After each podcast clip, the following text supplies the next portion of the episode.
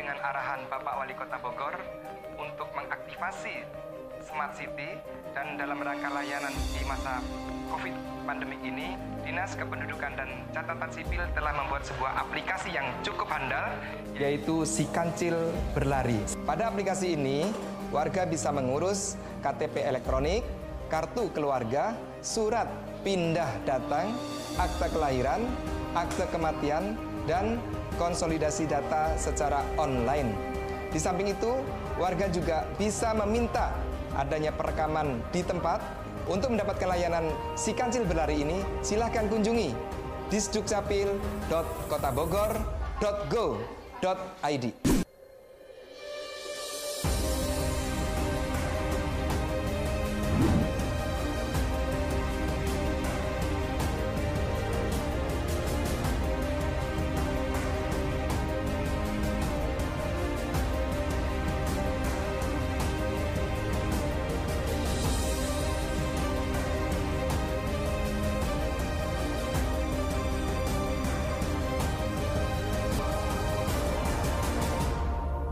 Selain bisa cetak mandiri dengan memanfaatkan sistem online, warga juga bisa datang langsung ke kantor kami.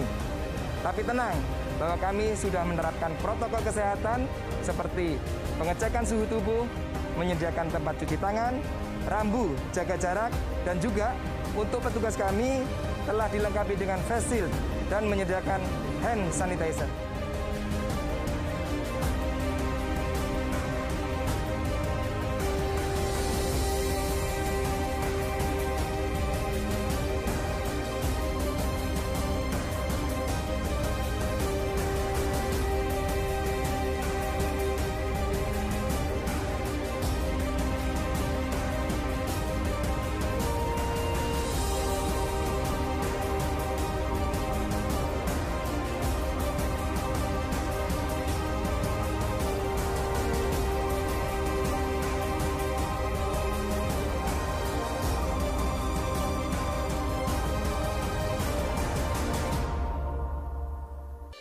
Pelayanan publik tidak boleh berhenti.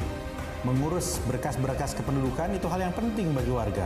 Dinas Kependudukan dan Catatan Sipil Kota Bogor memiliki program Si Kancil Berlari di mana warga bisa mengurus berkas kependudukan secara online bahkan cetak mandiri di rumah dan kediaman masing-masing sehingga tidak perlu ke Dukcapil. Apabila diperlukan tetap untuk mengunjungi Dukcapil, maka akan berlaku protokol kesehatan dengan sangat ketat. Dinas Kependudukan Catatan Sipil dengan program Si Kancil Berlari melayani warga dengan sepenuh hati.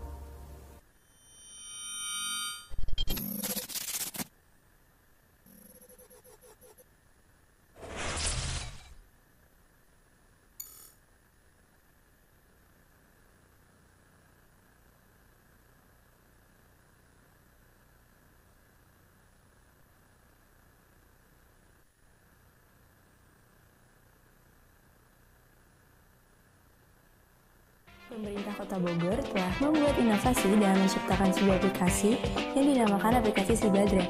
Sebuah sistem aplikasi terintegrasi untuk aspirasi Kota Bogor berbasis smartphone. Aplikasi ini memiliki keunggulan, mencakup pengaduan umum dan kegawat daruratan serta proses aspirasi dilalui dengan cepat, mudah, dan terpadu. Dengan menginstal aplikasi Sibadra dan menggunakannya, Anda telah berpartisipasi mendukung pemerintah Kota Bogor dalam meningkatkan kualitas layanan publik serta menjadikan Kota Bogor sebagai Bogor Smart City.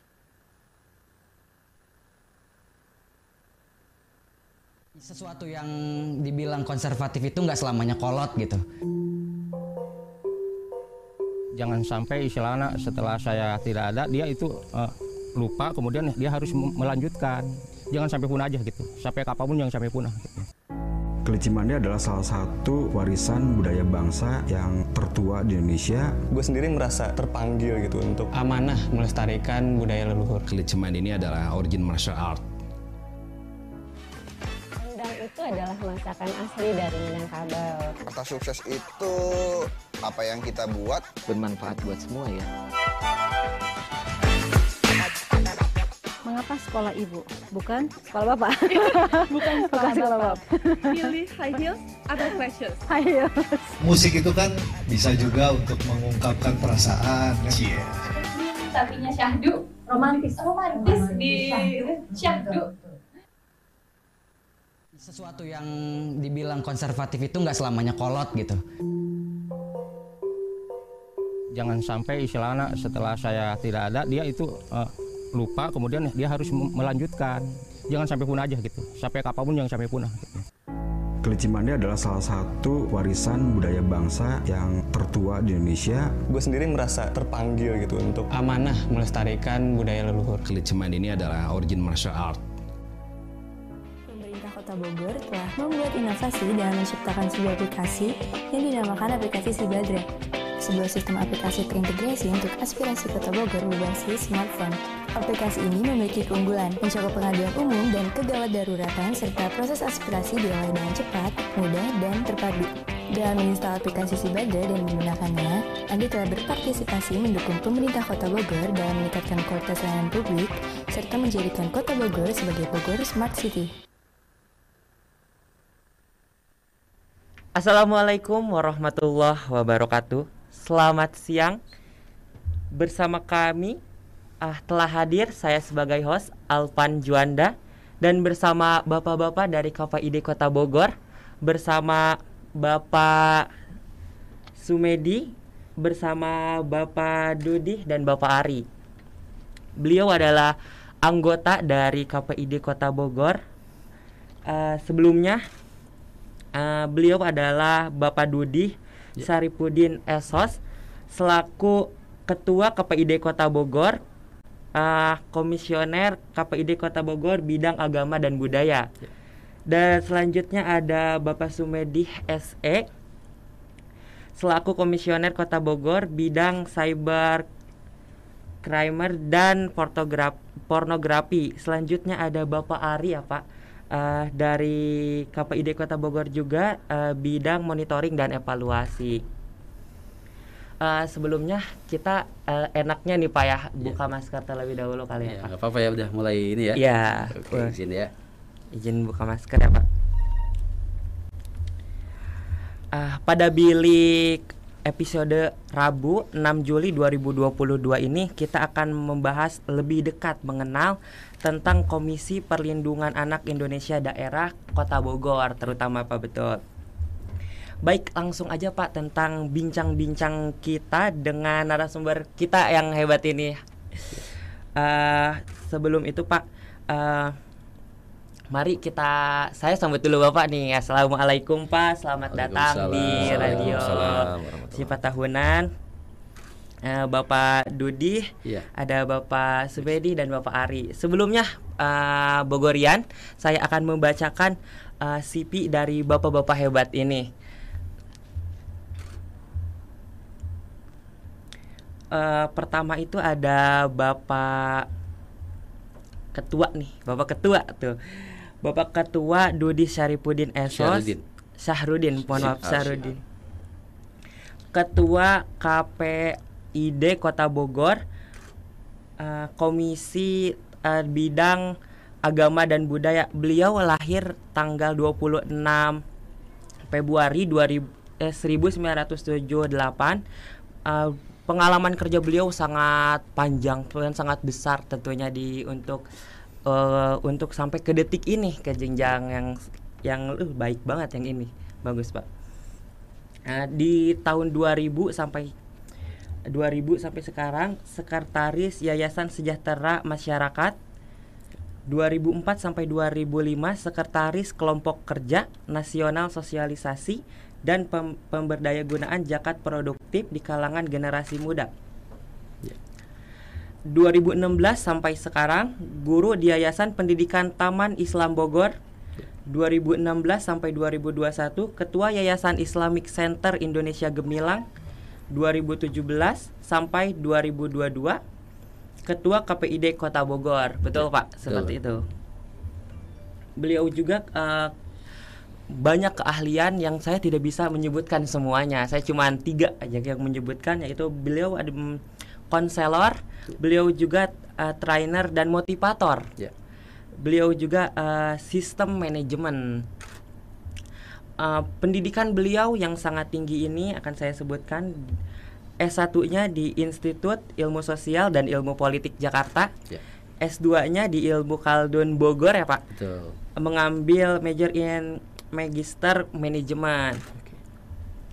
Selanjutnya ada Pak Sumedi SE, Pak. Pak Sumedi SE ini komisioner KPID Kota Bogor uh, bidang cybercrime dan pornografi. Pengalaman kerja beliau pun sangat banyak. Uh, 2017 hingga sekarang komisioner KPID Kota Bogor. 2015 sampai sekarang direktur CP Cipta Sarana Gemilang. 2011 sampai 2014 Magister PT Healthy Lawyer Marketing. 2017 sampai 2011 Presiden Direktur PT Smart Nako Indonesia. 2003 sampai 2007 IT Staff PT Best Indo 1997 sampai 2003 IT Manager PT Bonet Utama. Beliau juga memiliki keahlian sebagai konselor, trainer dan motivasi, motivator, sistem analisis dan sistem manajemen. Beliau juga berpendidikan di Bachelor Degree di Ilmu Khaldun Bogor mengambil jurusan uh, ekonomi manajemen betul Pak? Betul. DS2-nya uh, sama di Ibnu Bogor uh, mengambil major in manajemen manajemen juga. Selanjutnya ada Bapak Ari Pak, perkenalkan Pak. Bapak Ari Alamsyah SPD Ariansyah. Ariansyah SPD MPD lahir 2 Februari 1977. Pel- pengalaman kerja beliau adalah sebagai kepala SDIT 2006 sampai 2008, kepala sekolah SMPIT 2008 sampai 2017, kepala sekolah MAIT 2011 sampai 2021. Nah, beliau juga memiliki pendidikan yang yang tinggi yaitu S1 di UNJ, pendidikan ya, pendidikan matematika, S2 di Unpad Manajemen Pendidikan. Oke, baik Pak. Sebelum itu langsung saja kita berbincang-bincang dengan narasumber kita. Uh, baik Bogorian, mari kita sapa narasumber kita. Pak, Assalamualaikum. Waalaikumsalam warahmatullahi wabarakatuh. Ah, baik, di sini kita akan sedikit membahas nih Pak tentang perlindungan anak di Kota Bogor. Sebelumnya Bogorian, perlindungan anak itu adalah segala bentuk kegiatan untuk menjamin dan melindungi anak-anak dari hak-hak agar hidup, agar tumbuh, agar berkembang dan berpartisipasi secara optimal secara berhak martabat dan kemanusiaan. Nih Pak, untuk di Kota Bogor sendiri Pak, tentunya masalah tentang uh, anak itu cukup rumit tentunya Pak. Makanya dibentuk KPAI nih Pak. Uh, untuk Bapak sendiri sebelum sebelum membahas lebih detailnya Pak, uh, Bapak Dudi boleh ceritakan sejak kapan Bapak menjabat sebagai Ketua KP, KPID Kota Bogor ini Pak? Bogorian uh, di mana pun berada, selamat pagi menjelang siang. ya, saya dari KPAID itu dari tahun 2017. Ini adalah periode yang kedua ya, sampai dengan 2027. Jadi masuk tahun ke-6. Jadi emang berbicara anak itu sangat multidimensi, banyak uh, hal yang harus kita apa namanya lakukan banyak pendekatan karena emang kondisi anak zaman now ini berbeda sekali dengan anak-anak pada zaman kelahiran tahun 70-an ke bawah begitu ya. Tentu saja KPAID sebagai kelembagaan ini punya peranan yang sangat luar biasa pentingnya demi tadi tumbuh kembang hak hidup gitu ya partisipasi dan tentu saja non diskriminasi yang akan kita betul-betul kawal sehingga perlindungan dan pemenuhan hak anak ini bisa terwujud di Kota Bogor demikian Baik Pak, berarti dan membahas tentang seputar anak khususnya ya Pak. Iya. Untuk Bapak Sumedi nih Pak, boleh ceritakan nggak Pak, sejak kapan Bapak menjabat sebagai komisioner KPID Kota Bogor bidang cybercrime dan pornografi ini Pak? Oke baik terima kasih.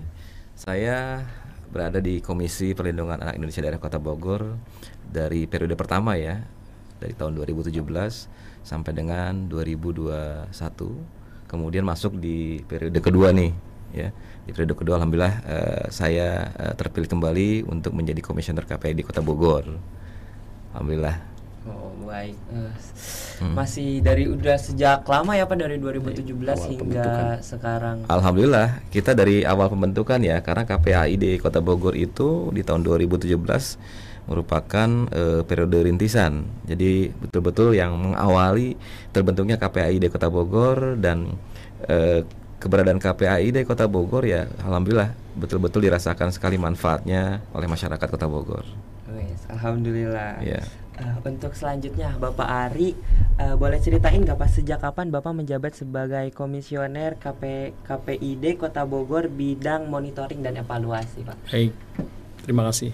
KPAID ya. KPAID. Ya. Nah berbeda dengan dua rekan saya. Jadi saya pemain baru. Oh, pemain baru Jadi persisnya di tanggal 14 April Hmm, baru tahun uh, ini proses Pak? pelantikannya. Oh, pelantikan. Gitu. Jadi hitungannya hitungan bulan. Ya ini guru saya nih berdua nih. Seniornya Bapak. Betul, ya? betul. Ya tentu kita bergabung di KPAID punya semangat dan punya uh, harapan yang sama berkenaan dengan pemenuhan hak anak dan uh, perlindungan anak. Begitu, soal. Oke. Okay berarti awal terbentuk KPAID ini dari 2017 betul betul, betul 2017 berarti untuk uh, program-programnya sudah banyak uh, yang telah dilaksanakan mungkin Pak bisa dijelaskan nih program kerja yang ada di KPAID Kota Bogor ini seperti apa Iya, kalau program kerja banyak hal yang kita sudah lakukan karena kita sudah satu periode berjalan ya. Uh, utamanya adalah kaitan dengan berbagai program menyangkut masalah tadi empat perlindungan uh, dasar perlindungan yaitu tentang bagaimana anak-anak kota Bogor bisa hidup layak gitu ya bisa tumbuh dan berkembang bisa partisipasinya didengarkan oleh semua pihak dan tentu saja tidak ada non diskriminasi dari empat uh, perlindungan ini tentu saja uh, di, breakdown berdasarkan program-program yang bisa langsung menusuk pada di mana anak ada di situ. Di antaranya adalah sekolah-sekolah. Nah, kita melakukan berbagai sosialisasi, advokasi dan edukasi ke sekolah-sekolah kaitannya dengan bagaimana kita e, memberikan ruang yang seluas-luasnya terhadap anak dan memberikan e, apa namanya kayak seminar dan parenting. Nah, saat ini anak-anak Eh, banyak yang kurang mendapatkan perhatian, kurang mendapatkan kasih sayang dari orang tuanya. Ya, ketika orang tuanya sudah abai, apalagi lingkungan dan uh, lingkungan serta wilayah-wilayah yang lain. Nah, ini yang menjadi sebuah concern kita. Makanya akan sangat efektif ketika banyak program itu kita lakukan sinergi dengan lembaga-lembaga pendidikan. Karena lembaga-lembaga pendidikan utamanya di dasar dan menengah ini ya di situlah letak di mana anak banyak berinteraksi. Nah, program-program itu juga kami lakukan di wilayah-wilayah, entah itu di kelurahan, entah itu juga di berbagai lembaga terkait uh, bentukan masyarakat. Sehingga berbagai uh, kondisi anak ini bisa kita betul-betul jaga bersama-sama. Karena kami uh, punya tugas fungsi ya tugas dan fungsi ini bagaimana bisa kota Bogor ini betul-betul menjadi kota yang layak anak kota yang betul-betul ramah keluarga. Dan ini tidak gratis dan tidak bisa dibiarkan sesuai dengan alir yang uh, air yang mengalir. Tapi harus ada rekayasa harus ada berbagai intervensi program yang memungkinkan semua orang baik itu orang tua, guru, lingkungan bisa punya peranan dan tanggung jawab terhadap tumbuh kembang anak. Jadi programnya eh, kita banyak berinteraksi dengan sekolah, banyak dengan wilayah dan tentu saja di samping kami juga menerima berbagai aduan. Nah, ini tentu saja harus disampaikan kepada semua masyarakat Kota Bogor bahwa KPAI hadir representasi negara karena lembaga kami lembaga negara independen ya yang tentu saja punya peranan penting dan andil bagaimana kondisi anak itu betul-betul bisa kondusif begitu. Oh, menarik menarik sekali dari program-programnya saja tentang anak dan parenting di Kota Bogor. Baik Pak, untuk itu uh, marak sekali nih Pak sekarang-sekarang itu mengenai bullying terhadap anak ya. baik di Kota Bogor maupun di luar Kota Bogor. Uh, menurut Bapak dari program yang telah Bapak uh, laksanakan itu bagaimana Pak tentang menghadapi bullying-bullying ini karena uh, bullying ini tuh uh, kasus yang tidak pernah berhenti dari Iya. zaman dulu sampai sekarang. Itu bagaimana Pak? Ya, permasalahan itu tentu saja eh, akan selalu ada. Ya, tinggal bagaimana kita bisa menyikapinya. Nah, bagaimana kita bisa menyikapinya dengan baik dan ini adalah sebagai prasyarat terbentuknya kota layak anak. Ya, kota layak anak juga bukan tanpa masalah. Ya, yang perlu masyarakat pahami bahwa kota layak anak sekalipun itu bukan bebas masalah. Pasti ada yang namanya kita hidup di dunia pasti ada masalah. Nah, masalah ini tinggal bagaimana kita minimalisir, bagaimana kita bisa mengantisipasi. Nah, program-program tadi yang kaitannya kita melakukan berbagai sosialisasi, advokasi dan edukasi terhadap masyarakat ini menyasar bukan hanya ke siswa ataupun murid, tapi juga ke gurunya, tapi juga ke orang tua atau keluarga. Karena bagaimanapun siswa atau murid atau anak itu tidak berdiri sendiri. Mereka saat ini itu pengaruh dari 5-10 tahun ke belakang. Jadi kondisi saat ini tidak uh, bukan berarti itu tabiat ataupun karakter dari anak itu sendiri, melainkan bisa jadi uh, berdasarkan pantauan, penglihatan, pendengaran apa yang dia rasakan dari orang sekitarnya, orang terdekat utamanya. Bisa jadi anak ini ada dalam keluarga yang kurang begitu harmonis karena mungkin perhatian dari orang tuanya ini tidak didapatkan oleh anak yang pada akhirnya anak mencari perhatian perhatian. Bully di sekolah itu hampir setiap sekolah punya uh, kasus akan hal itu. Nah, ini harus jadi concern kita semua bahwa kenapa ini bully jadi sesuatu yang sudah dianggapnya lumrah dalam tanda petik. Nah, ini inilah tugas kami dan tugas semua orang tua harus mendampingi anaknya. Alhamdulillah tingkat efektivitasnya dibanding dengan jumlah anak di Kota Bogor ini sangat jauh berbeda ya jumlah anak di Kota Bogor ini lebih kurang 325 ribu orang anak yang menjadi tanggung jawab kami dan tanggung jawab lembaga-lembaga yang konsen terhadap uh, perlindungan anak dan tentu saja yang utamanya adalah orang tuanya ini uh, sangat besar lebih kurang 30% dari jumlah penduduk Kota Bogor. Nah, karena banyaknya jumlah anak ini dan tentu saja anak adalah aset bangsa utamanya adalah aset Kota Bogor tentu saja harus betul-betul mendapatkan berbagai uh, edukasi yang baik. Nah, ini kami juga sekaligus nih menghimbau kepada orang tua ketika emang kesempatan untuk memberikan waktu luang untuk memberikan kasih sayang tidak begitu cukup didapatkan oleh anak, maka waktu yang sedikit itulah yang harus dioptimalkan, diefektifkan. Ya, kaitan dengan uh, mungkin pagi-pagi sarapan pagi, kaitan dengan berbagai permasalahan keluarga jangan sampai itu diperlihatkan di depan anak. Ini akan mengganggu terhadap psikologis anak dan tentu saja terhadap karakter anak itu sendiri. Ketika tidak dipahami oleh orang tua orang tua di kota Bogor utamanya ini akan menjadi masalah. Makanya bully akan menjadi sesuatu yang dianggap lumrah nah inilah uh, kerja uh, apa namanya kerja keras kita akan terus kita optimalkan. Bagaimana mengedukasi membuat uh, apa namanya menjadi sebuah penyadaran terhadap masyarakat. Ya efek dari bully itu adalah akibat.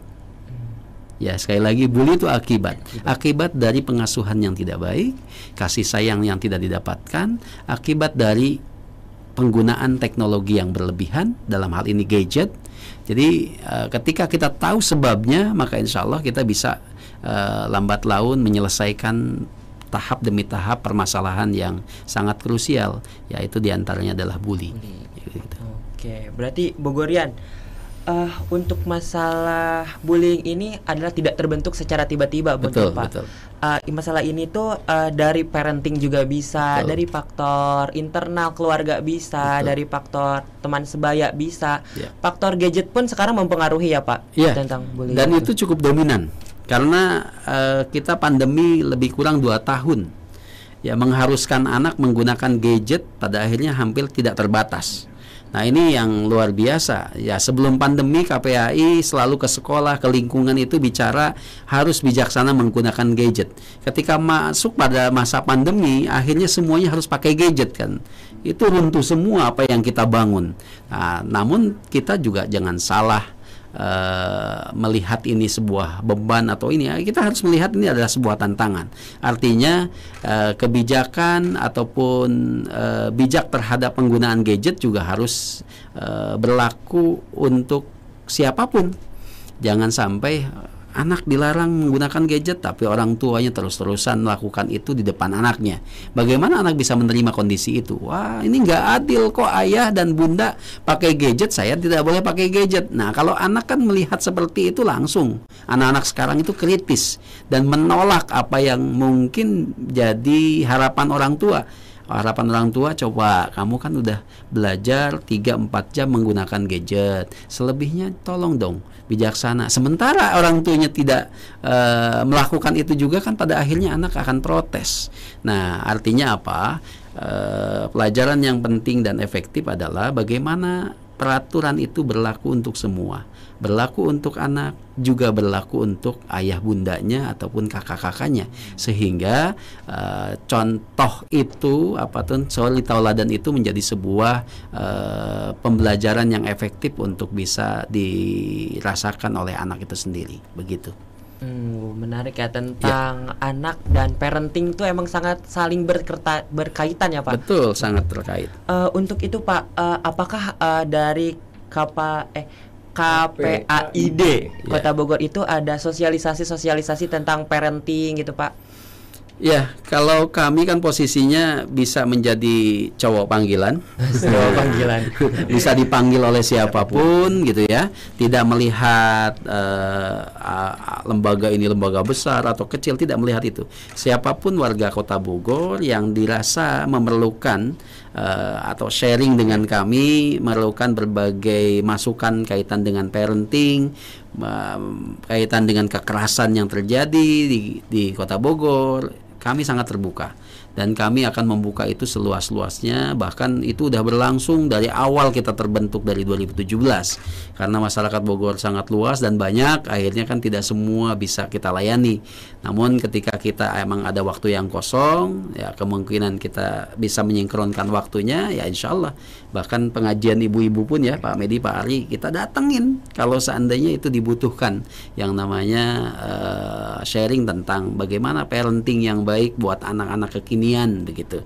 Jadi kita juga uh, sering mengadakan seminar gitu ya kaitan dengan parenting ini ada stop bullying, ada juga pengasuhan di era digital dan sebagainya. Nah hal kayak gini kan mungkin ini bisa didapatkan oleh masyarakat lewat kelembagaan yang kami miliki dan tentu saja uh, boleh bersurat, boleh berwa waan dengan kami ya, sehingga uh, jangan sampai birokrasi ini menyulitkan kami insya Allah sejauh tidak bentrok, sejauh waktunya ada, insya Allah bisa melayani berbagai kebutuhan masyarakat dalam hal kaitannya untuk parenting begitu. Enggak yang lain. Oke, baik untuk Bapak Semedi ya Pak, uh, saya ingin menanya nih Pak perihal ini uh, pornografi. Iya. Karena pandemi ini sudah berjalan dua tahun lamanya kita dirumahkan hmm. anak-anak dirumahkan secara tidak langsung anak-anak bermain gadget 24 jam yeah. mungkin tanpa pengawasan orang tua tak sedikit mbak anak tanpa pengawasan orang tua ya udah dibiarin aja gitu yeah. main gadget untuk pornografi ini uh, tentunya sangat mudah di di di apa diakses Tidak. menggunakan gadget itu dari uh, uh, bapak sendiri tanggapannya seperti apa pak Iya. Uh, bicara anak-anak sekarang itu ya ini kan anak zaman apa ya? Zaman melan uh, apa uh, generasi Z pak. generasi Z lah ya. Generasi zilenial generasi digital yang seluruh sendi-sendi kehidupannya lebih banyak menggunakan gadget. Ya, bangun tidur yang pertama dia lihat adalah gadget. Mau makan gadget. Semuanya pakai gadget. Orang tua manggil-manggil udah lima kali apa sih bu? gitu kan. Ya kan? Baru aja dipanggil gitu kan padahal udah tadi manggilnya nah eh, terkait dengan eh, anak-anak eh, yang mengalami kecanduan gadget tidak hanya gadget sih sebetulnya ya tidak hanya gadget tapi ada kecanduan yang lainnya sebetulnya tapi di saat dua tahun terakhir ini di saat pandemi anak-anak yang mengalami kecanduan gadget yang mengalami kecanduan pornografi ini ada ya ada uh, uh, dan uh, terus lah uh, semakin apa semakin banyak tentunya. Nah, uh, banyak sekali ya jadi yang menjadi apa? Yang menjadi pemicunya yang menjadi penyebabnya. Kenapa sih anak-anak ini sampai mengalami kecanduan gadget? Kenapa anak-anak ini sampai mengalami kecanduan pornografi? KPAI dari Kota Bogor hadir di Kota Bogor untuk melakukan pelindungan terhadap anak. Untuk mengawasi jalannya pelindungan eh, terhadap anak-anak dan memastikan akan pemenuhan hak anak Nah, jadi pemicunya banyak. Ketika pemenuhan hak anak tidak terpenuhinya pun ini akan bisa mengakibatkan anak-anak tadi ya uh, mengalami bullying, uh, mengalami kecanduan gadget, mengalami kecanduan pornografi. Nah, terutama dua tahun terakhir ini di saat pandemi, di saat anak-anak belajar di rumah, intensitas intensitas penggunaan gadget itu sangat tinggi. Jadi uh, tentunya orang tua juga tidak tidak boleh apa ya tidak boleh abai tidak boleh uh, lalai mentang-mentang anaknya uh, ada di dalam kamar nggak melakukan aktivitas di luar antang gitu kan. Padahal banyak hal yang lakukan yang secara negatif. Bahkan sekarang juga udah udah marak juga bagaimana anak-anak yang kecanduan pornografi itu ya mampu melakukan komunikasi melalui media sosial dengan sama-sama melakukan video call secara online. Ada yang disebut dengan uh, apa istilahnya uh, secting, ada sektorsen, ada apa uh, cybersec. Nah ini kan istilah-istilah uh, ya yang dulu kita nggak pernah tahu apa sih uh, secting itu, sek sambil chatting gitu kan, memunculkan video-video uh, maaf gitu kan yang berkonten uh, negatif lah ya. Sektorsen itu adalah bagaimana uh, anak remaja saat ini berani uh, memunculkan bagian-bagian uh, tubuh yang uh, sifatnya pribadi hanya untuk mendapatkan imbalan. Nah ini ini yang yang menjadi tren saat ini. Bahkan di rumah sakit Marujuki Madi pun di beberapa bulan terakhir ini ya emang anak kecanduan pornografi, anak kecanduan gadget ya ini ini agak cukup tinggi. Ini menjadi perhatian buat kami juga sehingga itu tadi dikatakan oleh ketua KPAI sebelum masa pandemi luar biasa nih KPAI Kota Bogor bagaimana kita menggaungkan memberikan edukasi ke masyarakat supaya anak-anak tidak banyak menggunakan gadget Nah, ketika orang tua uh, memberikan edukasi, membatasi anak-anak menggunakan gadget, tentunya juga harus bijak juga nih orang tua.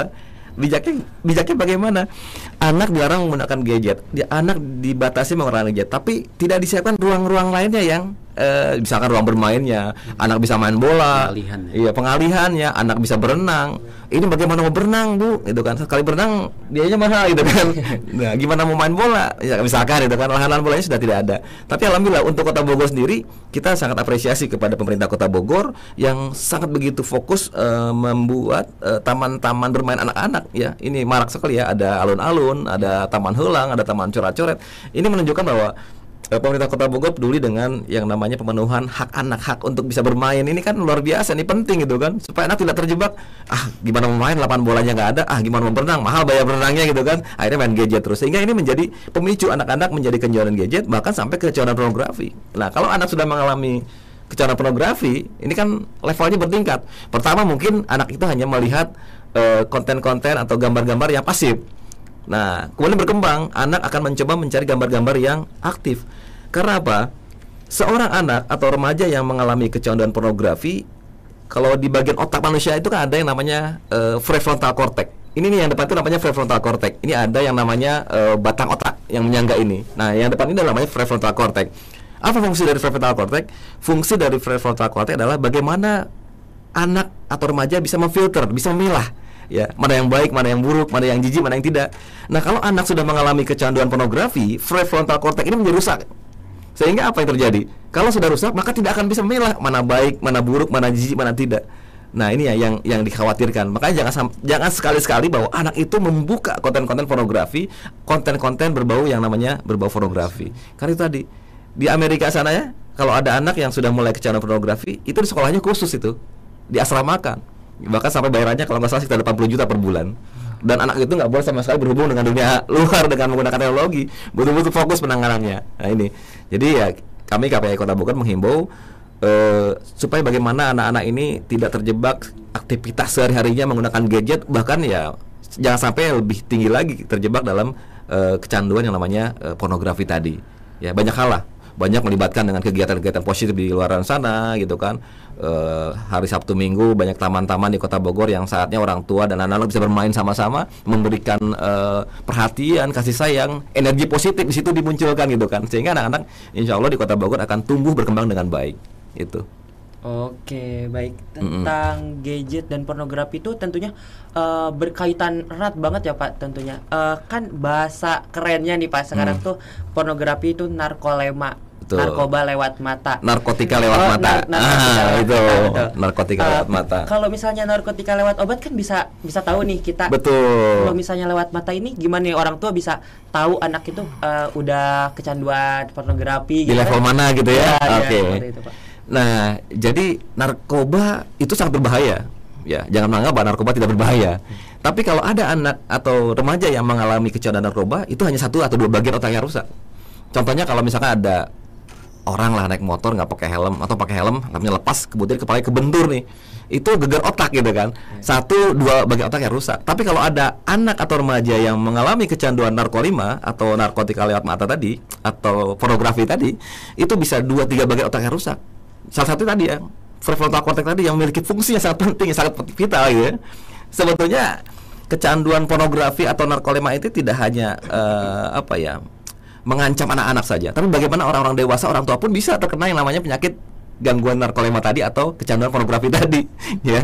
Jadi tidak hanya tidak hanya anak-anak saja. Nah, bagaimana cara orang tua, cara kita bisa mengidentifikasi kalau anak kita itu kecanduan pornografi atau tidak? Nah, ini ya banyak hal. Eh, orang tua harus mulai curiga ketika anak kita berlama-lama di kamar mandi. Ya, jadi ada kejadian yang lapor KPI, Pak, anak saya kok lama di kamar mandi. Ternyata betul kejadiannya bahwa anak ini sudah mengalami kecanduan eh, pornografi, sudah di level yang bagaimana anak itu mencari kesenangan, mencari kepuasan. Karena udah rusak prefrontal cortexnya. Jadi kalau sudah rusak prefrontal cortexnya, dia selalu ingin mencari kepuasan, kesenangan, kenikmatan ya. Dengan cara itu tadi, ya melakukan kepuasan sendiri di kamar mandi. Nah ini jadi jadi perhatian khusus. Banyak hal. Ketika anak sudah tidak mampu menatap mata orang tuanya ketika berbicara, ya eye contact-nya nggak dapat ya ini pun udah menjadi salah satu indikasi. Tidak tapi banyak banyak lagi lah. Nanti kalau dibahas juga bisa dua jam kayaknya. Membahas anak kecanduan pornografi kemudian bagaimana antisipasinya. Ini ini panjang waktunya. Ya mudah-mudahan nanti ke depan kita bisa bisa diberi ruang khusus lagi ya di eh, podcast ini. Ya lebih banyak kita memberikan edukasi kepada masyarakat Kota Bogor tentang ancaman-ancaman yang eh, mengancam anak-anak kita saat ini ya narkoba, seks bebas ya kan, kemudian tawuran ya, kekerasan segala macam ini banyak gitu kan. Seperti itu. Oke. Di pandemi ini tuh kan Pak eh, la- lagi viral di mana kayak jual beli eh, body lewat media sosial gitu Ya. kan. Menjual alat area kita ya Iya. seks kayak gitu lewat itu. Itu tuh sudah ada proses pengaduan dari eh, Masyarakat. masyarakat apa belum sih Pak untuk Kota Bogor sendiri? Ya, sektor sen ya itu lebih ke arah sektor sen bagaimana anak-anak ini remaja menjual eh, ya itu tadi ya mempertontonkan anggota tubuh hanya untuk mendapatkan imbalan. eh ini kejadian yang beberapa bulan lalu ya yang anak di apa disekap di kamar hotel ya, tapi ya alhamdulillah sih nggak terlalu banyak lah ya kasus ini nggak terlalu banyak dan terlaporkan. yang terlaporkan nggak terlalu banyak dan eh, KPAI beserta dinas terkait ada DB3 ada UPT PPA ya, kami berusaha keras lah bagaimana ketika ada kejadian seperti ini eh, ada tindakan cepat tepat untuk menangani anak-anak seperti ini Gitu. Tentunya eh, pasti ada tindakan-tindakan khusus ya Pak Betul. dari Bapak dari KPAI Ya, sendiri. sebagai pelaku ya harus ada eh, tindakan secara hukum ya. Eh, korban ya harus kita bantu secara pemulihan secara psikisnya.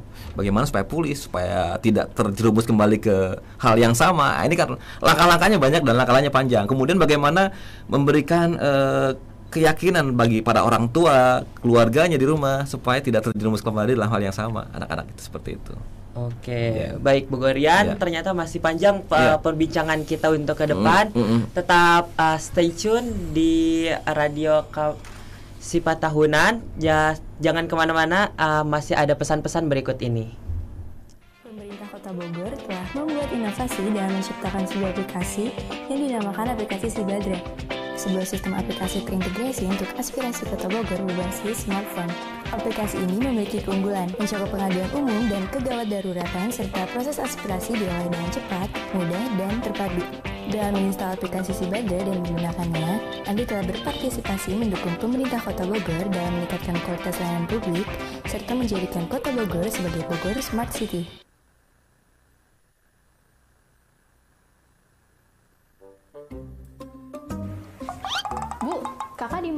Ada tuh di dalam, baru pulang kerja. Ibu, maksud aku itu bukan kakak itu, kartu keluarga. Soalnya lusa itu aku harus lampirin administrasi kuliah, Bu. Oh, kartu keluarga. Iya tuh ibu kemarin juga nyari-nyari gimana ya bikinnya. Mana lagi corona. Ibu juga perlu. Iya juga sih, Bu. Ya udah, aku cari info ya, Bu.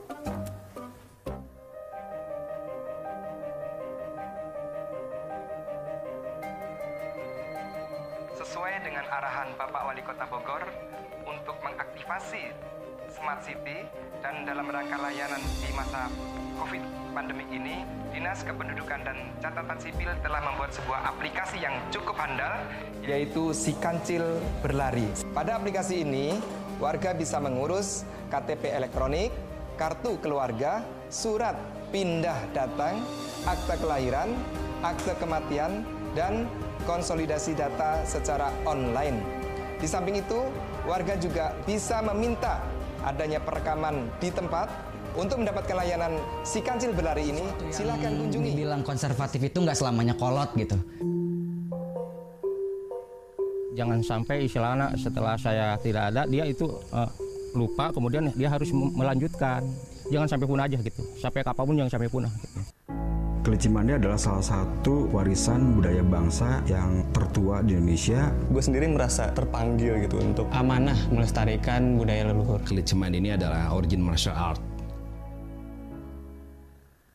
Keheterogenan itu kemudian kita kemas menjadi sebuah potensi. Itu kadang kita tidak menyadari bahwa kita hidup dalam sebuah ekosistem smart city. Setiap programmer tuh berpikiran yang sama. Kita datang yang online yeah. langsung. Kalau FTST kan hanya bisa dipandang.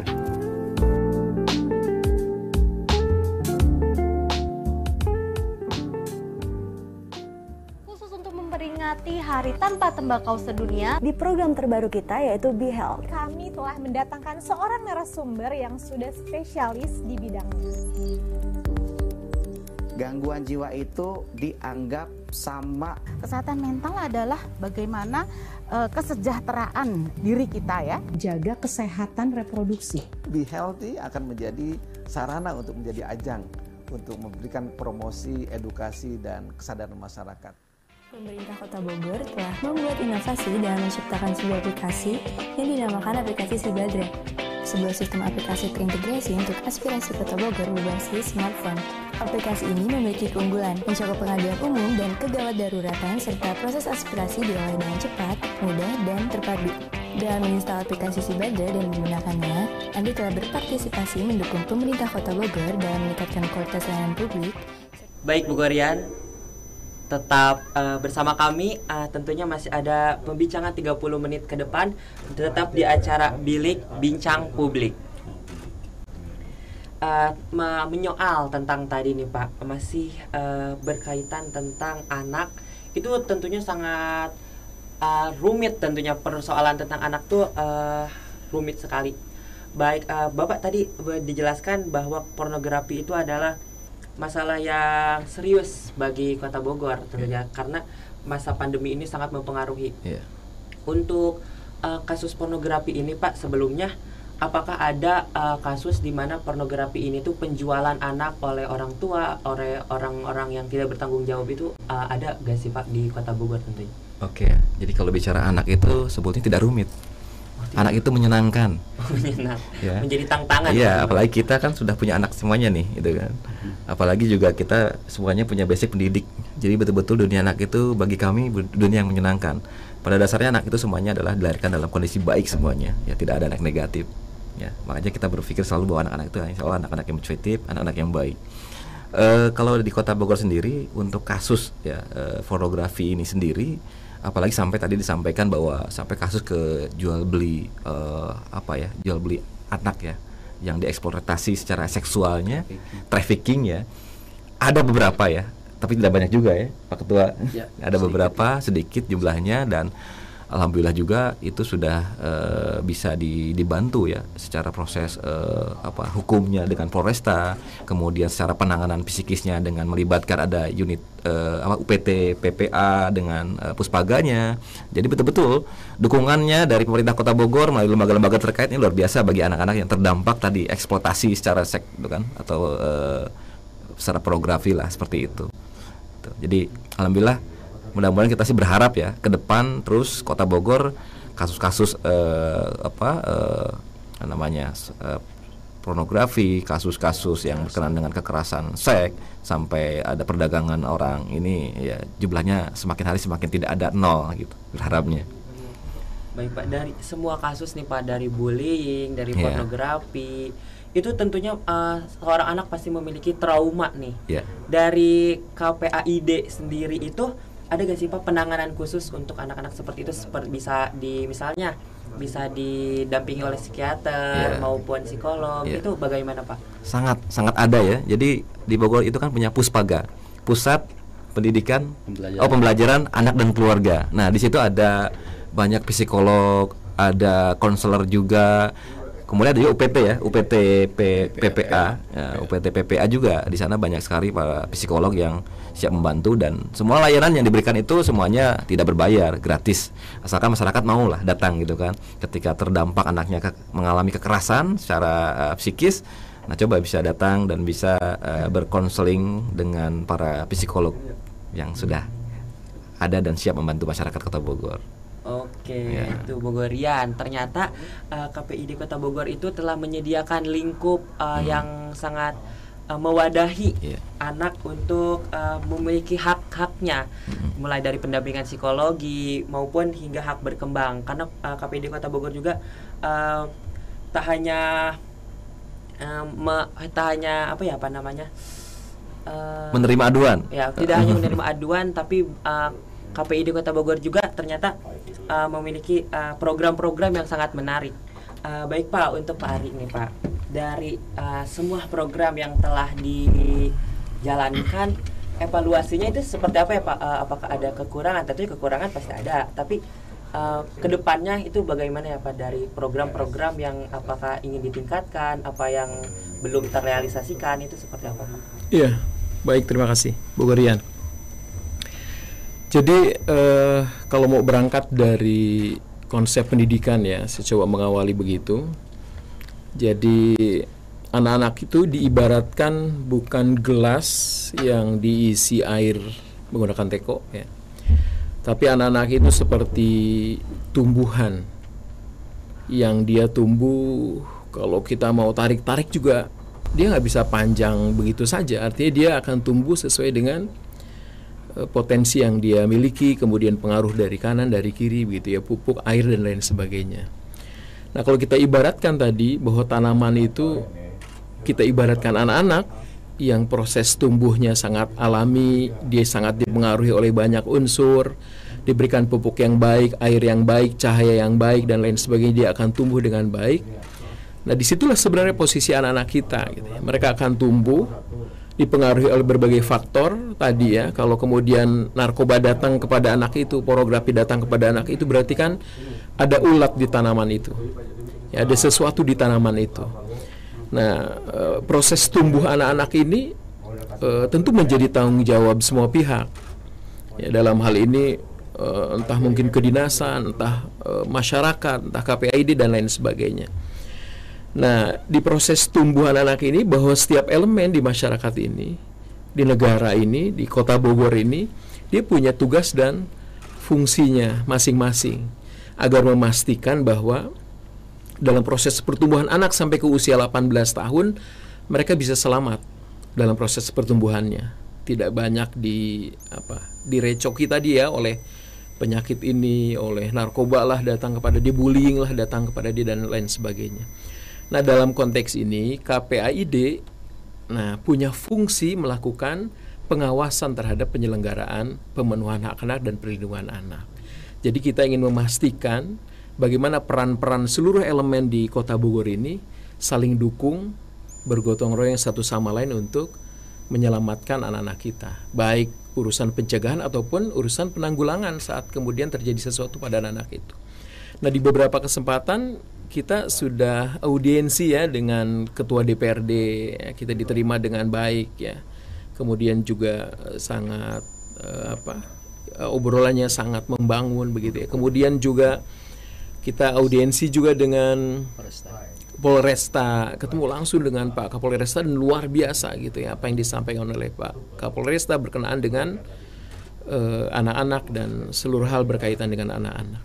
Nah ini kan buat kami juga ini satu di kepengurusan periode kedua ya KPID ini menjadi satu optimisme buat kami ya bahwa elemen-elemen yang tadi kami kunjungi besok mungkin kita ke Kejari, ke Bapas ya, ke beberapa tempat yang lain ya subhanallah ya kalau semua orang semua elemen ini semua mitra-mitra strategis ini komitmen. sangat berpo, sangat positif komitmen ya untuk perlindungan anak tentu eh, kita sangat optimis bahwa anak-anak khususnya di kota Bogor mereka akan melewati masa anak-anaknya dengan sangat baik.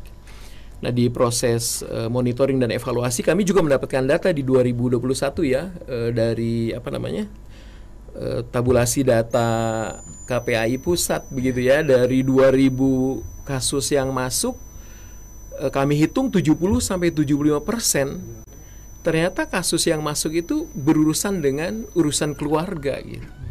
Jadi hampir uh, akar permasalahan yang terjadi ya dari dari 2000 kurang lebih 2000 pengaduan anak-anak selama satu tahun itu. Se-Indonesia. Se-Indonesia, se-Indonesia ya. Itu uh, tadi yang jadi catatan ternyata hampir proses pengaduan itu kasusnya di keluarga. Nah, artinya apa? Berarti kan menjadi konsentrasi buat semua pihak ya dalam hal ini uh, ya semua elemen yang terkait ya, termasuk kami di uh, apa di pengawasan gitu. Bahwa urusan keluarga menjadi uh, sesuatu yang kemudian harus kita perhatikan betul. Siapa pihak yang bertanggung jawab? Ya selain keluarga itu sendiri juga tadi semua elemen gitu. Yeah. Termasuk dalam hal ini media gitu support gitu terhadap uh, apa namanya eh, hal-hal uh, berkenaan dengan anak memberikan respon yang positif memberikan energi yang positif buat masyarakat gitu ya untuk menanggapi uh, apa pun permasalahan yang datang di masyarakat tetap kritis tapi berupaya untuk membangun berupaya untuk memberikan energi positif buat kita untuk mendapatkan keyakinan bahwa ya yuk kita bergerak bareng-bareng ini masalah kita bersama mesti uh, kita berupaya bersama untuk melakukan upaya-upaya perbaikan ke depan. Mungkin secara umum gitu. Masih. Hmm. Untuk KPID sendiri nih Pak, uh, goals yang ingin dicapai di tahun ini tuh uh, seperti apa sih Pak goals goalsnya itu kayak, ya. Ya. Targetannya gitu ya. Ya targetnya. Harapannya. Jadi emang bicara goalnya ujungnya sebenarnya kita ingin menciptakan kota layak anak. Hmm jadi lembaga kami dibentuk juga dalam rangka uh, memberikan pengawasan atas efektivitas penyelenggaraan perlindungan anak. Nah, bicara perlindungan adalah uh, fokus pada kelompok-kelompok rentan ya di antaranya adalah anak dan perempuan ya. Nah, ketika anak dan perempuan sudah dalam posisi terlindungi betul, hak hak dasarnya terpenuhi, maka kemungkinan uh, para bapak-bapak nih orang tua utamanya itu yang selalu diberikan tanggung jawab bagaimana memikirkan uh, apa namanya seluruh kebutuhannya terpenuhi maka insya Allah akan merasa diuntungkan akan merasa betul-betul diberikan ruang yang terbaik. Makanya ini adalah tanggung jawab bukan hanya orang per orang melainkan semua pihak. Nah goal itu tentu saja tidak gratis dan tidak Eh, begitu saja terjadi. Ini ada proses panjang.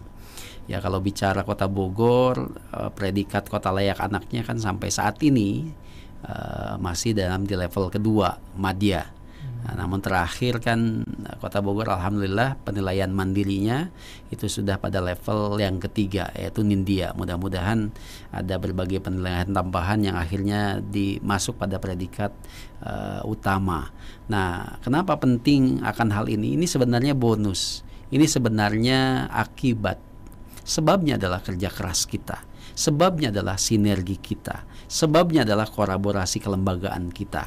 Makanya ketika dikatakan siapa yang bertanggung jawab semua pihak, makanya kita kenal yang namanya sinergi pentahelik. Sinergi, sinergi pentahelik ini ada lima lima unsur yang harus padu padan saling menguatkan saling mendukung siapa aja. Itu akademisi ya kan? Lembaga-lembaga pendidikan di kita kan sangat banyak ya. Nah ini jadi sebuah concern lembaga pendidikan harus memberikan kontribusi yang luar biasa terhadap kondisi yang bisa menyelamatkan bisa membuat tumbuh kembang dan e, partisipasi anak serta non diskriminasi ada di setiap lingkungan pendidikan. Karena anak adanya di sana ya usia anak ada di sekolah-sekolah usia anak ada di madrasah usia anak ada di paut-paut dan sebagainya. Nah makanya penting ini menjadi satu elemen per, uh, elemen penting dari lima elemen yang lain. Yang kedua ada bisnis pihak swasta. Nah, pihak swasta juga punya peranan dan andil yang penting untuk uh, penyelenggaraan perlindungan anak. Bagaimana mereka menjual produknya, bagaimana mereka menjual jasanya, itu harus perspektif perlindungan anak. Kota Bogor alhamdulillah sudah memiliki yang namanya hotel ramah anak. Ada di 12 hotel di Kota Bogor dan tentu saja setiap tahun kita evaluasi dan jadikan mereka ataupun hotel-hotel uh, ya ini menjadi hotel-hotel ramah anak. Jadi kita punya program yang namanya Horeca Mall Wae apa itu hotel, restoran, kafe, mall dan wisata edukasi ramah anak. Jadi e, tidak hanya berbicara e, pemerintah ataupun semua sarana prasarana pemerintah saja, tapi bagaimana semua pihak tidak terkecuali pihak swasta atau pengusaha harus terlibat aktif bagaimana mewujudkan kota layak anak sebagai goal yang akhir tadi ya. Yang ketiganya adalah community ataupun lingkungan ataupun masyarakat. Jadi anak itu tidak bisa dibiarkan sendiri. Ternyata lingkungan masyarakatnya pun harus kita intervensi dengan berbagai program. Harus kita betul-betul sadarkan bahwa ini adalah tanggung jawab dan peranan kita semua. Ketika lingkungan abai, ketika lingkungan tidak mendukung terselenggaranya perwujudan dari kota layak anak, maka apa yang dilakukan elemen yang lain tidak akan optimal. Dan yang keempat adalah G government di situ ada lembaga negara seperti KPAI. Di situ ada pemerintahan dalam hal ini OPD-OPD terkait. Lembaga-lembaga yang concern yang memiliki kemampuan dan kewenangan untuk memberikan e, membuat kebijakan. DPRD di sana ada. Nah, ini e, artinya urung rembuk siapa pun kita punya tanggung jawab dan peranan. Dan yang terakhir, tentu saja nih akang-akang yang disifat tahunan salah satunya yaitu media. Media, ya kono kebanyakan ya mudah-mudahan ini adalah perspektif lama yang keliru ya. Bad news is good news. Ya ini kan sesuatu yang harus dirubah tentu saja ya. Tidak setiap keburukan itu akan menjadi pemberitaan yang menarik sehingga meningkatkan rating. Nah, bagaimana media juga harus punya kontribusi menjadi media yang ramah anak. Bagaimana media ramah anak? ya kaitan dengan uh, anak berhadapan dengan hukum tidak boleh yang namanya fotonya dipampang secara terbuka harus diburamkan tidak ada by name by address di situ sehingga betul terjaga tumbuh kembang mereka ketika mereka sudah mendapatkan labeling dari masyarakat wah ini anak-anak yang bermasalah secara hukum, wah akhirnya keterterimaan masyarakat akan berdampak pada kehidupan sosial mereka. Nah, sehingga apa? Media juga punya peranan menyampaikan menyampaikan informasi-informasi yang ramah anak sehingga semua komponen yang tadi masuk dalam uh, sinergi pentahelik ini pada akhirnya akan uh, membuat goal tujuan kita ini sama yaitu mewujudkan kota ya, layak anak yang jauh lebih baik dari sebelumnya demikian. Wow dari goals goalsnya udah terstruktur tentunya yeah. pak. Uh, dari goals tersebut uh, unpan balik dari masyarakat itu feedbacknya nih pak yeah. feedback dari masyarakat itu dari tentunya ke masyarakat kota Bogor itu bagaimana pak? Ya yeah. jadi kalau ada banyak kasus yang mungkin terekspos ada banyak permasalahan juga yang uh, dilaporkan ke kami bisa ada minimal dua hal. Yang pertama uh, masyarakat sudah mulai aware peduli sehingga ketika ada kasus melaporkan. Ya, yang kedua bisa jadi e, kasus ini seperti fenomena, fenomena gunung es. ya fenomena gunung es itu yang kelihatannya sedikit kecil pucuknya doang gitu ya padahal permasalahannya banyak ya bisa jadi ini tidak ter uh, tidak ada kesiapan secara sistem lembaga yang bisa uh, merespon cepat menyelesaikan permasalahan itu. Nah, mudah-mudahan kita ada pada posisi yang pertama ya, bagaimana masyarakat sudah peduli dan sistem kelembagaannya sudah uh, apa namanya berfungsi sesuai dengan fungsinya. Makanya sebenarnya KPA ini fungsinya adalah uh, pengawasan terhadap penyelenggaraan bukan penyelenggara ya penyelenggaraan perlindungan anak sehingga seluruh penyelenggaraan mewujudkan kota layak anak itu menjadi uh, tupoksi utama kita dan tentu saja menjadi bagian dari partisipasi dan uh, peranan dari semua masyarakat yang tadi begitu. Hmm, baik. Untuk proses pengaduan misalnya ada orang tua yang ngadu ke KPAI itu langsung datang saja ke kantornya atau ada birokrasi-birokrasi yang bagaimana tuh Pak? Iya KPAI ini kan kita birokrasinya simpel ya, sederhana. Kita punya hotline center, ada nomor yang bisa dihubungi ketika emang masyarakat kesulitan harus datang gitu ya dengan berbagai alasan. Ada juga kita menerima aduan langsung yang memungkinkan bisa diadukan langsung ke uh, apa staf pengaduan kami di kantor. Jadi juga kita juga punya website ya Pak Media, ya. kita juga punya sosial media yang menyampaikan kaitan dengan edukasi dan kegiatan-kegiatan yang KPI lakukan. Ya mudah-mudahan ini menjadi uh, apa namanya bagian dalam proses penyadaran dan komunikasi yang dijalin oleh KPI untuk diketahui halayak ataupun masyarakat Kota Bogor. Jadi bisa langsung, bisa lewat online pengaduannya, bisa melaporkan lewat WA ada. Jadi ada hotline itu uh, hanya untuk WA saja. Ya mudah-mudahan bisa kita respon cepat ya. Karena uh, kita juga berjuang dan bergerak tidak sendiri.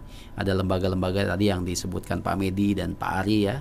Ada Puspaga di sana, ada UPTD PPA, ada unit PPA Polresta, juga ada dinas sosial, ada juga dinas pemberdayaan perempuan dan perlindungan anak. Nah ini eh, masing-masing punya peranan masing-masing, kewenangan masing-masing, dan mereka lebih pada pelayanan uh, dari berbagai hal yang diadukan. Jadi kami bisa referral dilakukan. Tidak semua dilakukan oleh kami. Jadi kami bisa saja eh, menerima banyak pengaduan apa pun itu. Tentu saja kami akan observasi, akan lihat ini cocoknya siapa yang menyelesaikan. Kalau udah berkasus tentu saja UPDD PPA, unit pelaksana teknis daerah perlindungan perempuan dan anak.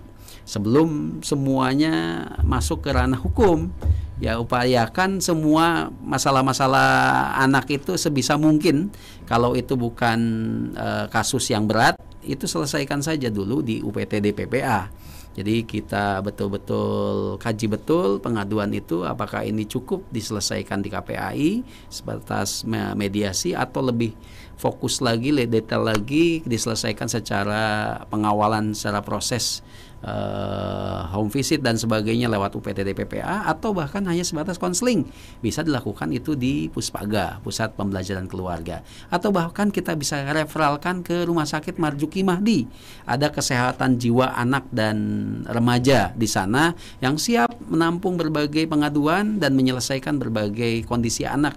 Sampai dengan anak tadi yang banyak terpapar gadget, terpapar pornografi, terpapar berbagai hal kegiatan-kegiatan yang kurang baik Nah, insya Allah kalau levelnya sangat tinggi membutuhkan bantuan psikiatri, maka Marjuki Mahdi sudah kerjasama dengan KPAI untuk bisa uh, mengurai dan menyelesaikan permasalahan-permasalahan anak begitu. Hmm, baik. Tentunya diakses secara gratis ya Pak. Semuanya tidak berbayar. Kalau gratis ya artinya kan kayak murahan begitu ya, oh. gratis gitu ya. Nah, tidak insya Allah tidak berbayar. Kalau mungkin kalau kita referalkan ke Marjuki Mahdi sejauh masyarakat Puma BPJS insya Allah akan dilayani dengan uh, layanan BPJS ya. Okay. Kalau uh, tentu saja ada keberatan-keberatan dari masyarakat ya tinggal kita uh, senggol-senggol dikit yang dinas sosial, dinas kesehatan itu bisa kita selesaikan lah. Intinya bagaimana reaksi cepat dari kelembagaan dan sistem yang sudah dibangun ini yang menjadi uh, focal point kita sehingga Bogor ke depan jauh lebih insya Allah layak ya dijadikan sebagai kota rujukan dari kota layak anak begitu. Oke. Uh, baik Pak, sebelumnya uh, saya penasaran nih tentang awareness masyarakat terhadap Ya. anak. Apalagi uh, sekarang kalau misalnya saya lewat di lampu merah suka ada badut-badut anak tuh Pak. Iya. Yang kayak uh, seolah-olah jadi menyimpang dari Iya. tadinya menghibur untuk anak-anak menjadi seperti memohon. Ya. Itu uh, tingkat ke awarenessan masyarakat itu seperti apa Pak? Iya, jadi emang kita bisa pilah ya bahwa tidak setiap yang ada di lampu-lampu merah ataupun di jalanan itu adalah masyarakat Kota Bogor. Bisa jadi itu impor dari daerah lain.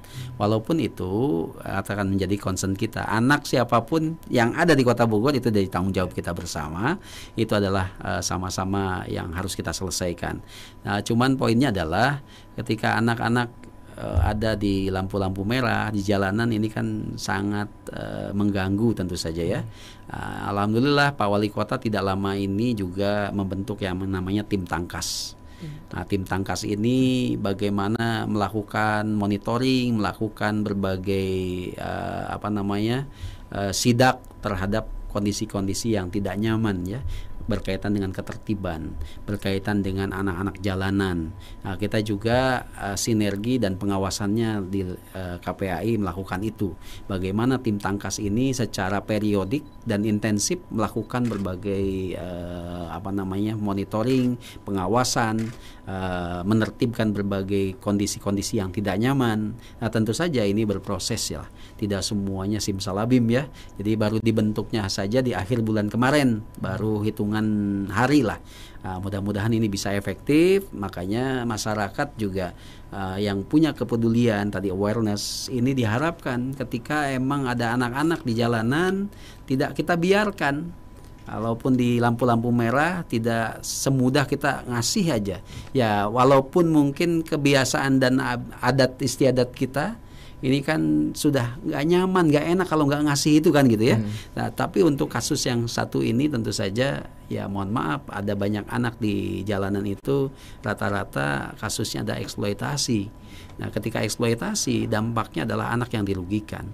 Ketika eksploitasi tumbuh kembangnya pasti terganggu. Anak itu tidak mendapatkan pendidikan yang baik, anak itu tidak mendapatkan kehidupan yang layak karena di jalanan banyak kekerasan yang bisa saja terjadi kapan saja dan di mana saja. Dan ini harus menjadi kepedulian kita semua.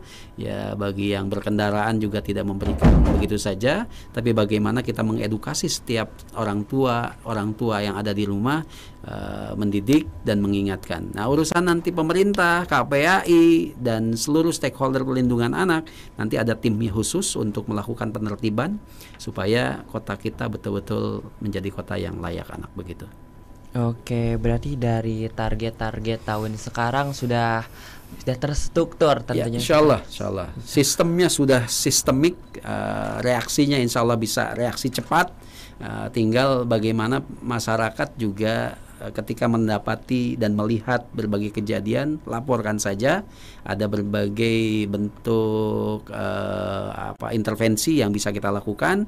Ya mudah-mudahan ini mengurangi berbagai penyimpangan sosial yang ada di lapangan ataupun di jalanan begitu. Baik, tadi kita tetap berbicara tentang pengaduan-pengaduan, tapi eh, rupanya rupanya Bogorian bingung pengaduannya bisa langsung ke kantornya di mana tuh Pak? Eh, kantor kami ada di gedung PPIB samping Masjid Raya Bogor. Wah, Mas. Nah, Masjid ah, Raya Baranang Siang di sana. Nah itu sampingnya ada gedung ya. P, P- eh, kantor kami ada di gedung tersebut di lantai bawah ya.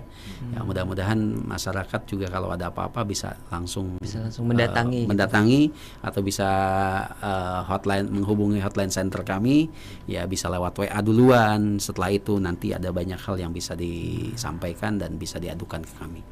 Oke, dari media sosial juga mungkin bisa ya Pak dari web, dari nomor WA tentunya Ya. eh, sangat mudah pro- proses pengaduan anak kepada KPAI daerah Kota Bogor ini. Ya, ini ada nomor hotline center kami. Ya, kalau kebetulan tidak memungkinkan datang dulu, bisa disampaikan ke 08 12 ya 8641 3070.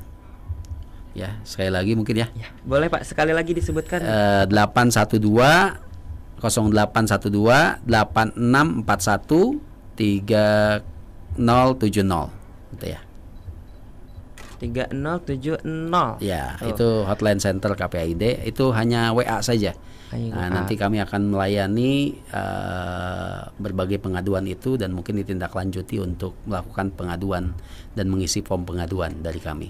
Baru kami bisa melakukan berbagai intervensi eh, apa yang harus kami lakukan begitu. Selain pengaduan juga tentunya bisa eh, Langsung bi- lang- bisa konsultasi bisa. bisa konsultasi tentang parenting Ya, tentunya Pak bisa, bisa. Eh, bisa tentang ini eh, kalau misalnya tentang sosialisasi gitu Pak. Ya. Eh, misalnya suatu eh, sekolahan universitas memi- eh, meminta untuk eh, eh, konsultasi gitu sosialisasi tentang parenting soalnya kan dari universitas itu tentunya setelah lulus pasti ada cewek-cewek yang menikah kan Pak. Hmm. Nah itu eh, gimana tuh Pak caranya eh, sosialisasinya? Iya, kami juga eh, sinergi juga dengan Kemenak ya, kaitan dengan penyiapan sebelum eh, menikah, mempersiapkan. Nah ini ini penting eh, berikan berbagai eh, pengetahuan kaitan dengan parenting. Kadang-kadang apa yang terjadi di masyarakat itu eh, kenapa anak sehingga sedemikian rupa adanya sekarang bisa jadi orang tuanya tidak memahami yang namanya pengasuhan. Makanya penting adakan sosialisasi dan mengedukasi uh, orang tua orang tua muda gitu ya. Uh, kami tidak dibatasi ya silahkan mengundang kami atau kami juga mengadakan kunjungan ke beberapa tempat yang dirasa yang dibutuhkan melakukan berbagai edukasi dan sosialisasi kaitan dengan perlindungan anak. Jadi sejauh eh, tadi jadwal kami tidak bentrok eh, sesuai dengan eh, semua yang kita persiapkan maka insya Allah kami akan eh, apa menghadiri berbagai undangan-undangan yang disampaikan oleh masyarakat. Tidak tidak hanya kampus bahkan pengajian-pengajian juga bahkan PKK gitu ya bahkan kelompok belajar sekolah itu kami kunjungi. Tapi kalau semuanya harus kami ini ya ini juga lumayan banyak ya makanya prioritas siapa dulu yang uh, mengundang kami ataupun ada kejadian di daerah mana baru kita intervensi program lewat sosialisasi dan edukasi gitu. Baik tuh bagi bagi Bogorian tentunya eh, KPA ini eh, mewadahi semua tentang pengaduan anak, tentang parenting, eh, tentunya tentang untuk kesejahteraan anak khususnya di Kota Bogor betul Pak. Seperti itu. Baik eh, bagi eh, Bogorian yang setelah uh, memiliki pengaduan atau mungkin kegelisahan tentang anak bisa langsung adukan saja ke kantor KPAI yang berada di uh, dekat samping Masjid Di Bogor gedung Raya. PPIB. Gedung PPIB Kota Bogor. Samping Masjid Raya Ya, Kota samping Bogor. Masjid Raya Kota Bogor. Atau bisa juga di uh, nomor WA-nya di 0812 8641 3070. Uh, bisa langsung uh, menghubungi kontak person berikut untuk uh, pengaduan lebih lanjutnya. Baik Pak, terima kasih Bapak Dudi, Bapak Sumedi, Bapak Ari yang sudah menyempatkan hadir di radio Sifat Tahunan. Uh, semoga sehat selalu, goals-goals uh, dari KPAI tercapai. Amin, amin. Uh, dan Bogor menjadi uh, uh, kota layak anak, kota ramah anak tentunya. Uh, makasih Pak buat Bogorian semua yang sudah menyaksikan podcast hari ini. Saya Alpan Juanda pamit undur diri. Selamat pagi. Wassalamualaikum warahmatullahi wabarakatuh. Waalaikumsalam warahmatullahi wabarakatuh.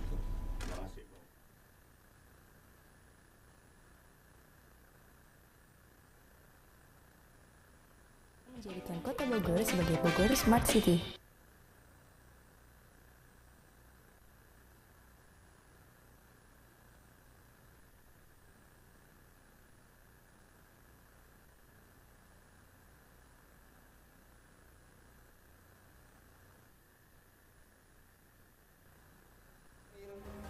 kotabogor.go.id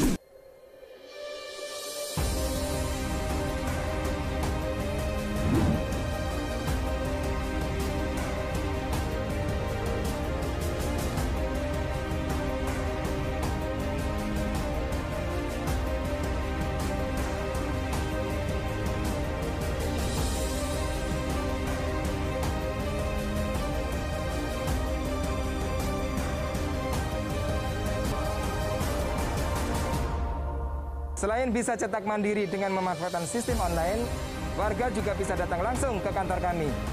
Tapi tenang, bahwa kami sudah menerapkan protokol kesehatan seperti pengecekan suhu tubuh, menyediakan tempat cuci tangan, rambu, jaga jarak, dan juga untuk petugas kami telah dilengkapi dengan face shield dan menyediakan hand sanitizer.